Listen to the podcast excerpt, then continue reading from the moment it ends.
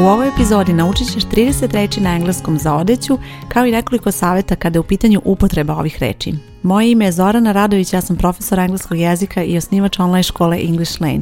Ovo što slušaš je English Lane podcast gdje pričamo o korisnim savjetima i lekcijama za učenje engleskog jezika. Ovo je epizoda broj 139 i u ovoj epizodi naučit ćeš 30 reći na engleskom, tema je odeća i obuća i u okviru ove lekcije ćeš naučiti veliki broj reći na engleskom, šta te reći znače, kako da ih izgovoriš, a uz to ću ti dati i par savjeta kako da upotrebiš ove reći i šta je nešto što je specifično za njih. Krećemo od prve reči t-shirt. Ova reč znači majica i ono što je specifično za nju je način pisanja. Prvo je veliko slovo T, onda je crtica i onda je to shirt, t-shirt. Inače, na ovoj stanici gdje slušaš podcast bit će ispisane sve ove reči tako da možeš da vidiš i kako se one pišu, naučit ćeš njihovo značenje i provežbaćeš ćeš izgovor. Kada čuješ mene kako izgovaram, možeš ponoviti tu reč i na taj način vežbati. Ovo prvo slovo T je veliko čak i kada je ova reč negdje u sredini rečenice. Sljedeća reč je shirt, to je košulja. Onda imamo reč jeans, to su farmerke. I ova reč je takva da ima ovo S na kraju, jeans, i ispred ove reči se ne koristi neodređeni član. To znači da nećeš reći a jeans, već možeš reći a pair of jeans. Dakle, kada imaš ovakve reči, kod njih ne možeš da upotrebiš neodređeni član i vidjet ćeš u toku ove epizode bit će još ovakvih reči na koju će ti skrenuti pažnju, ali zapamti da ispred reči jeans nećeš koristiti neodređeni član e, možeš koristiti ponekad određeni član d, u zavisnosti od situacije naravno, ali neodređeni član se ne koristi ovdje. Reč jeans je uvek u množini jer postoje dve nogavice, postoji još ovakvih predmeta u engleskom koji imaju taj oblik u množini kao što su recimo makaze, scissors, a vidjet ćeš još nekoliko odevnih predmeta koji imaju taj neki par zbog kog su u množini i kada postoji ovo pravilo da ispred tih reči nećeš koristiti neodređeni član e, odnosno n. Sljedeća reč je sweater, jumper i u britanskom engleskom se također koristi reč jumper, dress, ova reč znači haljina. Onda imamo shorts. Ova reč znači shorts i opet ispred ove reči se ne koristi neodređeni član. Sljedeće je jacket.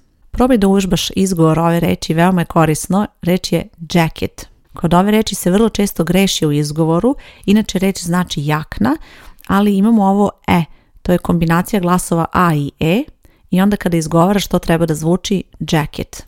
Vrlo često čujem jacket, sa običnim e ili čak se čuje i ja u izgovoru, jacket, ali nije, već treba kombinacija tih glasova i to je nešto što je bitno da vežbaš posebno na početnom nivou kada krećeš da učiš engleski jezik i posebno je korisno da takve glasove vežbaš kroz neke jednostavnije reči i zato je važno da izgovor vežbaš od početnog nivoa. Tako da reći ćeš jacket.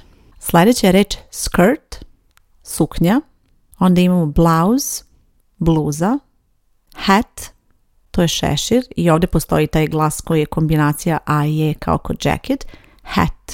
Sljedeća reč je reč socks i opet podrazumeva se da postoje dve čarape tako da nećeš koristiti neodređeni član. Možeš reći kada je jedna čarapa a sock, onda možeš reći neodređeni član, ali ukoliko misliš na par čarapa socks, onda tada ne koristiš neodređeni član. Sljedeća je reč shoes, isto je razmišljanje kao i za prethodnu reč, dakle ako je jedna cipela, šu, može biti a e šu, ali ukoliko su cipele, obično se pretpostavlja da su u paru, tada će biti shoes i tada ne koristiš neodređeni član. I sada dolazimo do reči gloves Reč gloves znači rukavice i ovo je reč gdje je oblik u množini, znači nećeš koristiti neodređeni član i ovo je reč koja predstavlja jedno trik pitanje u okviru kursa engleski za početnike u mojoj školi gdje proveravam baš koliko pažljivo se čitaju lekcije, odnosno da li obraćaš pažnju na tako neke detalje, jer u engleskom postoje dve reči za rukavice, za taj pojam, odnosno razlikuje se rukavice koje imaju prste i rukavice koje imaju samo otvor za palac i onda one onaj otvor za e, ostale prste, kao one rukavice koje su uglavnom dečije. Dakle, ta reč je mittens. To su rukavice koje nemaju otvore posebno za svaki prst i to je nešto što je bitno da razlikuješ. Dakle, u prevodu će biti rukavice za oba pojma, ali na engleskom su različite vrste, znači gloves i mittens i bitno je da razlikuješ kada se koristi koja reč. Ukoliko učiš u mojoj školi na kursu engleski za početnike, bit će slika i bitno je da obratiš pažnju koja vrsta rukavica je ono što vidiš na slici i obrati pažnju naravno na lekciju i na sve te napomene koje vidiš u okviru lekcije jer je to nešto što je jako korisno i nešto što ti može razjasniti razne nedoumice koje možeš imati i to naravno ne samo na ovom kursu već i na ostalim kursevima u mojoj školi. Bitni su ti detalji, vidjet ćeš posebno kako budeš napredovala sa učenjem. Sljedeća reč je reč coat, to znači kaput. Onda imamo leggings, helanke, sandals, sandale. I ove reči leggings i sandals su reči ispred kojih nećeš koristiti neodređeni član.